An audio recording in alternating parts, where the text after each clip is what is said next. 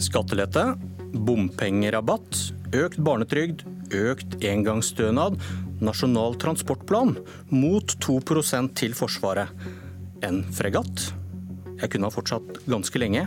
Og hvis du setter et plusstegn mellom alle løfter og ambisjoner i den nye regjeringsplattformen, hva koster den? Ja, velkommen til Politisk kvarter, Henrik Asheim fra Høyre, leder i finanskomiteen. Takk for det. Har du regnet på det?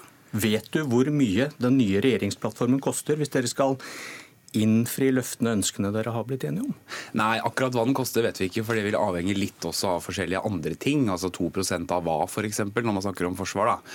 Men det er klart at dette er en ambisiøs eh, plattform når det kommer til eh, reformer man ønsker å gjøre og innføre.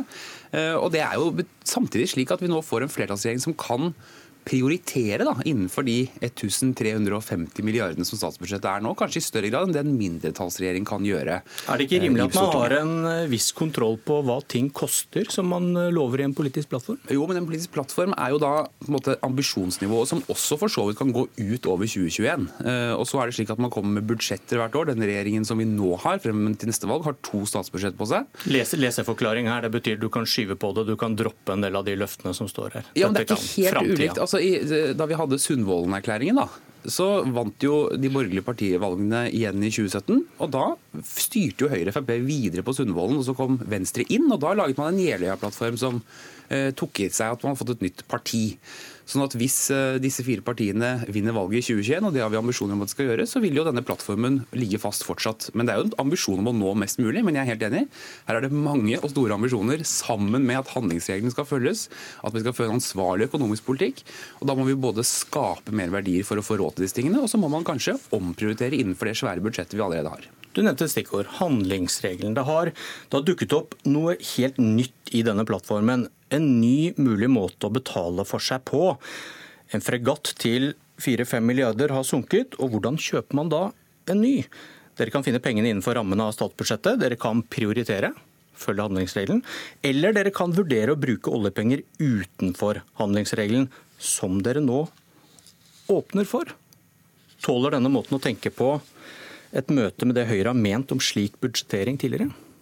Ja, den gjør det. fordi dette her er jo en måte... Da Helge Ingstad gikk på grunn, så ble det en diskusjon om hvorfor har man ikke forsikret Helge Ingstad. Eh, og Grunnen til det er at forsikringsselskapene står liksom ikke i kø for å forsikre krigsmateriell. Eh, og da er dette en måte faktisk for Men det visste dere, dette var ikke noe nytt for dere? Nei, selvfølgelig ikke. Men er, Vi hadde ikke liksom satset på at den båten skulle gå på grunn.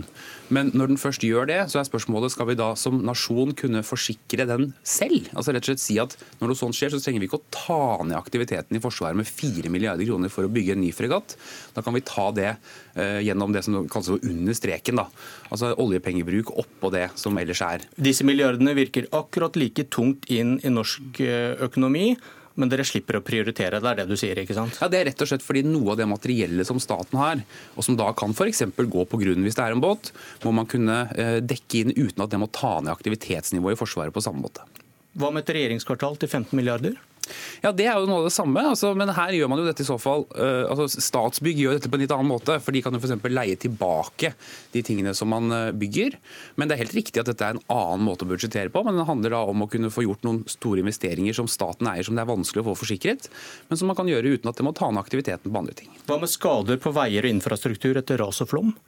Nei, det er jo da, og det er dette som er kanskje poenget med ditt spørsmål også. Skal man kunne legge en haug med ting inn i dette? Ja, fordi i prinsippet her står det ikke noe om at dette er en engangsting med Helge Ingstad. Her står det at Staten skal vurdere å erstatte skader og tap på statens eiendom. Så hva da med et regjeringskvartal til 15 milliarder? Fortløpende skader, ras og flom. For å nettopp, som du sier, slippe å kutte i andre ting. Nei, men jeg og Det er jeg veldig enig med deg i at det skal vi passe på at ikke skjer. Men det er det dere sier dere skal vurdere å ikke gjøre? Jo, men Det er en unntakstilstand når du har et fregatt som går på grunn. Du, Regjeringskvartalet det ble bombet i 2011. Mm. Ja. Ja, 15 milliarder. Ja, så det er ikke noe nytt, eh, nytt, eh, nytt, problem dette her. Det er nå dere kommer opp med det. Jo, men det er fordi man sier at man kan gjøre noen av disse tingene rett og slett på en smartere måte. Men jeg er helt enig. Det er veldig viktig at ikke man verken fra regjering eller storting begynner å trikse med handlingsregelen. Men dette er to helt konkrete prosjekter som man sier at man vurderer å gjøre. Man sier ikke at man skal gjøre det heller. Men vi, ok, 20, 20 milliarder under, eh, under, streken der. Hva, hvis dere går med på denne tanken om at disse 20 milliardene da, det er ikke skadelig for økonomien, for det må dere eventuelt gå god for. Da kan dere jo begynne å betale for jagerfly på denne måten? 70 milliarder investering? Nei, det skal vi ikke gjøre. Bygge veier og jernbane, der trenger dere 1000 milliarder. Kan også gå under streken? Nei, det kan det ikke. Har ikke Høyres poeng hele tiden vært at denne måten å bruke penger på, under strek, det fritar dere fra å prioritere, og det er farlig for norsk økonomi? Jo, hvis, man, hvis, dette brer om seg, så er det det. Men her er det to helt konkrete ting som man sier at man skal vurdere å gjøre det på denne måten, fordi det er uh, altså nettopp unntakstilstanden, en spesiell situasjon. Men det er helt enig, vi kan ikke begynne å trikse med dette, disse tingene. og Derfor så er de eksemplene du bruker både med jagerfly og med veiinvesteringer, ikke noe som bør gå under streken. Det må prioriteres innenfor budsjettene. Viser dette at dere har brukt så mye penger nå at dere har ikke råd når vaskemaskinen ryker? Eller en fregatt? Nei, det gjør det ikke. Eh, vi har altså det faktum at økonomien nå går bedre, ledigheten eh, går ned, sysselsettingen går opp, gjør at vi har faktisk større handlingsrom enn vi eh, trodde f.eks. i 2019. Men det er helt åpenbart at summen av de løftene og de reformene vi vedtok i forrige periode, langtidsplan for Forsvaret, Nasjonal transportplan og mange av de tingene som står i plattformen nå, jo, jo, stiller jo større krav til at man prioriterer innenfor de budsjettene man har. Dere vil prioritere, men ikke akkurat dette. Rigmor Aasrud, finanspolitisk talsperson for Arbeiderpartiet. Er det juks du sitter og hører på nå? Er, du, er, du, er, du enig, er, du, enig? I hvert fall veldig overraskende veldig overraskende over det Henrik Asheim sier nå. For det første så sier han jo at regjeringsplattformen er en, nærmest en illusjon, en ønskedrøm, som ikke kommer til å bli gjennomført. Det er liksom ta lang tid, og det skal tilpasses den økonomiske situasjonen vi er i. Men det som overrasker meg aller mest med det Asheim nå sier, at det å finansiere fregatter og regjeringskvartal under streken og omgå handlingsregelen er en smartere måte å gjøre det på, det er ganske oppsiktsvekkende for et parti som har stått fast på det med handlingsregelen og vært en uh, ifølge seg sjøl en garantist for at man har orden i økonomien. Det her er veldig overraskende. Da, da, hører jeg også en garanti om at dere kommer aldri til å gjøre det på den måten? Men, men eh, det, uh, dette er veldig overraskende for oss at det kom. Uh, og det er ja, men Du må kunne svare på om dere aldri vil gjøre det samme, da? Nå skal vi se det som kommer fra svaret som kommer fra Siv Jensen. Det stilte jeg faktisk i går. Men det, Dette henger jo ikke på grep. Hvis du sier at dette er overraskende uansvarlig, så må jo, du kunne svare på at dette vil ikke Arbeiderpartiet gjøre. Eh, nei, det ligger ikke inne i våre planer på noen måte. Eh, og Derfor så har jo vi også sett at vi trenger mer midler inn i offentlig sektor enn det, man, eh, det regjeringa legger opp til. Derfor så har vi et annet skattenivå som gjør at vi har flere penger inn i offentlig sektor. For vi vet at det kommer til å komme tøffe prioriteringer framover. Men det som jeg syns er overraskende, jeg har jo det er første gangen nå vi hører at dette her er en omgåelse til handlingsregelen. Tidligere har man jo ikke villet svart på det. og Derfor så var det grunn til å stille et spørsmål til Siv Jensen om hvordan man tenker eh, at man skal eh, bruke den 90-posten som nå er omtalt i, i eh, regjeringsplattforma. For i regjeringsplattforma så står det også at handlingsregelen ligger fast. Så det er litt vanskelig også helt klare å holde orden på det som Høyre nå har forhandla inn i den regjeringsplattforma. Man prater jo mot hverandre på forskjellige områder? Ja, altså for første så vil, vil jo nettopp som Trondheim sier, bli spennende å se om Arbeiderpartiet da mener at man skal ta dette innenfor det vanlige budsjettet, eller om man skal si at når et, en fregatt går på grunnen, så kan man ta det uh, som en ekstra kostnad. Men, men, jeg mener jo faktisk at uh, det, som, det, som, er hovedpoenget her, er at handlingsregelen ligger jo fast. Handlingsregelen, Vi bruker altså 2,7% av avkastningen i år. Så det er ikke sånn at vi bruker mer penger. Vi bruker faktisk like mye oljepenger i 2019 som det vi la, la opp til i 2016. Vi tar ned oljepengebruken. Så det å gi inntrykk av at man her liksom bruker for mye penger, mener jeg blir, blir kunstig. Dette er en budsjetteknisk diskusjon som blir noe litt annet. Det er vel noe som heter 'slippery slope' på engelsk.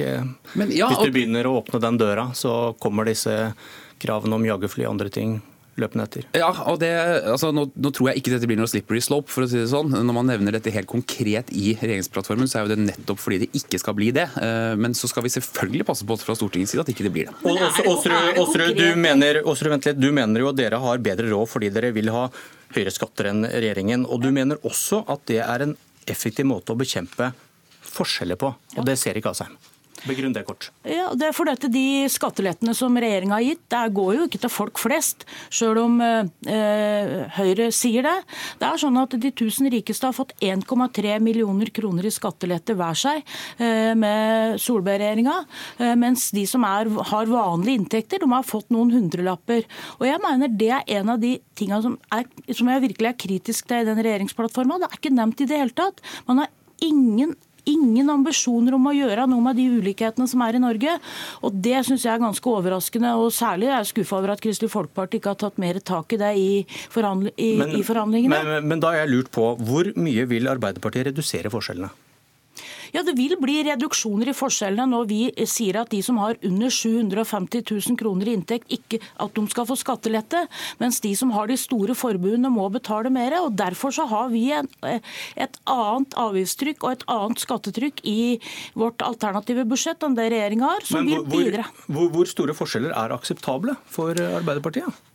Ja, Vi har ikke satt noe mål på det, på hvordan, uh, hvor store forskjeller som, skal være, som skal være akseptabelt. Men, Men vi ser jo... Hvis du ikke vet hvor mye forskjellene skal reduseres, da aner du vel heller ikke hvor mye du skal ta i?